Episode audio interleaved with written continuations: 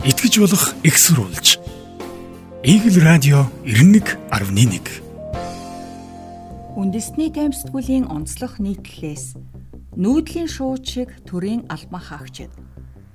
Нүүдлийн шууд хавар намартаа нүүдэг бол манай төрийн албан хаагчид бүр жилийн дөрөв улиралд нүүсээр байна. Улсын хурал иргэдийн төлөөлөгчдийн хурлын сонгуулийн дараа эрх баригч хүчин солигдоход хэдэн мянгаараа нүүдэл суудал хийдэг төрийн албан хаагчдыг тогтвортой ажилуулах ёстой гэдэгт улс төрийн намууд нэгддэгч үг үйлдэл нь зөрсөөр өнөөг хүрлээ. Төрийн албаны тухай хуулиа шинжилэн найруулж батлан хэрэгжүүлж эхэлсэн ажлаас халагдсан төрийн албан хаагчдын зовлон хамгийн сайн мэдих төрийн албан хаагчдын холбооны тэргүүн инх баяр улсын хурлын гишүүнээр сонгогдож шийдвэр гаргах эрхтэй болсон нэг нам анх удаа дангаараа дараалан засаглаж эхэлсэн гэд төрийн албыг тогтвортой ажилуулж болох үндслэл өнгөрсөн хугацаанд бүрдсэн. Улсын хурал дахь Монгол Ардын намын бүлгийн дарга тогтох зүрэн төрийн албаны тухай хуулийн шинжилсэн найруулгын төслийг батлуулсныхаа дараа улс төрчид буцаж төрийн албан агчид үлддэг хуультай боллоо гэж хэлж байлаа. Гэвч салбарт нь нэг улс төрч ирэх буцах бүрт төрийн албан хаагчид дагаад хөдөлгөөнд ордог байдал яг хэвээрэл байна. Засгийн эрх нэг намаас нөгөө чилжих бус эрх баригчид засгийн газрынхаа бүрэлдэхүүнд өөрчлөлт оруулахад нийслэлийн засаг дарга бөгөөд Улаанбаатар хотын захирагч солигдоход л төрийн алба дагаад буужгансан хിവэрэ. Оюун эрдэн Монгол улсын 32 дахь ерхий сайдаар томилогдоод сар гаруй хугацаа өнгөрч байна. Тэрээр өнгөрсөн 1-р сарын 27-нд томилогдож танхиман бүрдүүлснээр 29-нд сайд нар нь улсын хуралд тангар ургаж бүрэн эрхээ хэрэгжүүлж эхэлсэн. Ерөнхий сайд засгийн газрынхаа бүтцийг өөрчлөөгүйгээс гадна өмнөх танхимынхаа 7 сайдыг улиран томилсон юм. Энэ нь төрийн алба тогтвортой байхад эргээр нөлөөлөх учиртай ийхүү шинээр ям агентлаг байгуулаагүй, засгийн эрх нэг намаас нөгөө шилжээгүй, сөрөг хүчинтэйгээ хамтраагүй байхтал төрийн албаа хаагчдын нүүдэл үргэлжилсээр байна. Уг нь нэг сайдыг дагаад хэдхэн улс төрийн албан тушаалтан ямд очиж ажиллах ёстой. Гэвч нийтийн алба буюу төрийн албанд томилогдох хүсэлтэй хүмүүсийн хувийн ашиг сонирхлын урдчилсан мэдүүлэг авилгатай тэмцэх газарт хэдэн зуугаараа хянагцаар байна. Авилгатай тэмцэх газар өнгөрсөн 1-р сарын 25-наас 29-нд буюу оюун эрдний засгийн газар эмхлэн байгуулагдахаас өмнө төрийн албанд томилогдох хүсэлтэй 53 хүний хувийн ашиг сонирхлын урьдчилсан мэдүүлгийг хянжээ. Харин шин засгийн газар байгуулагдсанаас хойш төрийн албанд томилогдохоор нэр дэвшиж хувийн ашиг сонирхлын урьдчилсан мэдүүлгийг хянуулах хүсэлт гаргасан хүмүүсийн тоо нэмэгдсэн байна.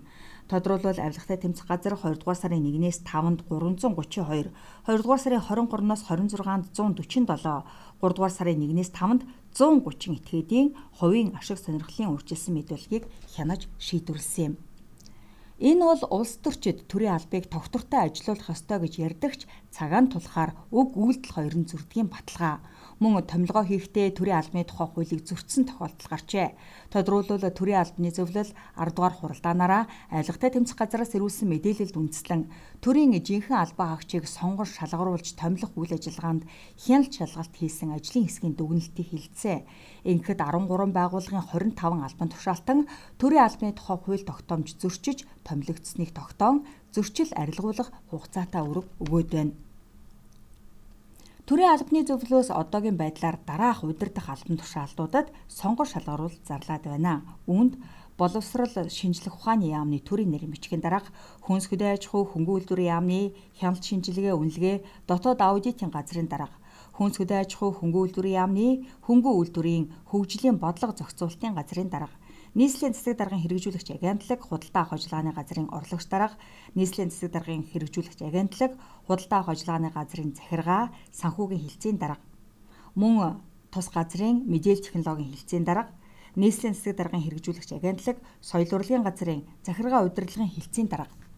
Нийслэлийн засаг даргын хэрэгжүүлэгч агентлаг аялал жуулчлалын газрын захиргааны хилцээний дарга Баянгол, Хаануул, Сонгой архан дүүргийн эрүүгийн хэргийн ахар шатны шүүхийн тамгын газрын дарга, Баян зүх дүүргийн иргэний хэргийн ахар шатны шүүхийн тамгын газрын дарга, Сонгой архан дүүргийн иргэний хэргийн ахар шатны шүүхийн тамгын газрын даргын албан тушаалд сонгож шалгаруулалт зарлжээ.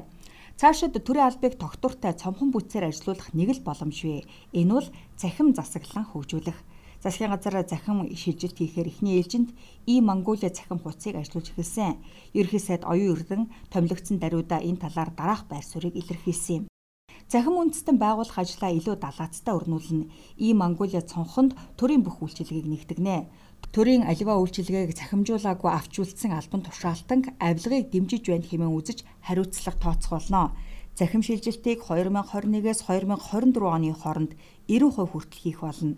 Ингийн тулд захим хөгжлийн яам байгуулна. Энэ бол орон тоо нэмж байгаа зүйл биш. Харин төрийн бүх шатны байгууллагын орон тооны давхцлыг байхгүй болгож төрийн даахаасан бүтцийг 30-аас 40%-аар бууруулах цорын ганц шийдэл юм.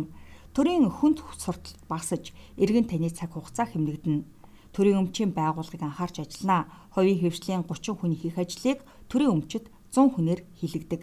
Энэ байдлыг анхаарахгүй болохгүй. Захим засаглалтай болсноор гүйцэтгэл тулгуурласан бүтцээр төрийн албаа шинжлэх боломж үүснэ. Аль ч яамд дунджаар 80-аас 90 хүн байгаа гэж бодоход 15-аас 20 хүн дээр нь хит их ачаалал ирдэг. Бусад хүмүүстээр харьцангуй ачаалал бага байдаг нь ажиглагдсан гэж хэлсэн юм а.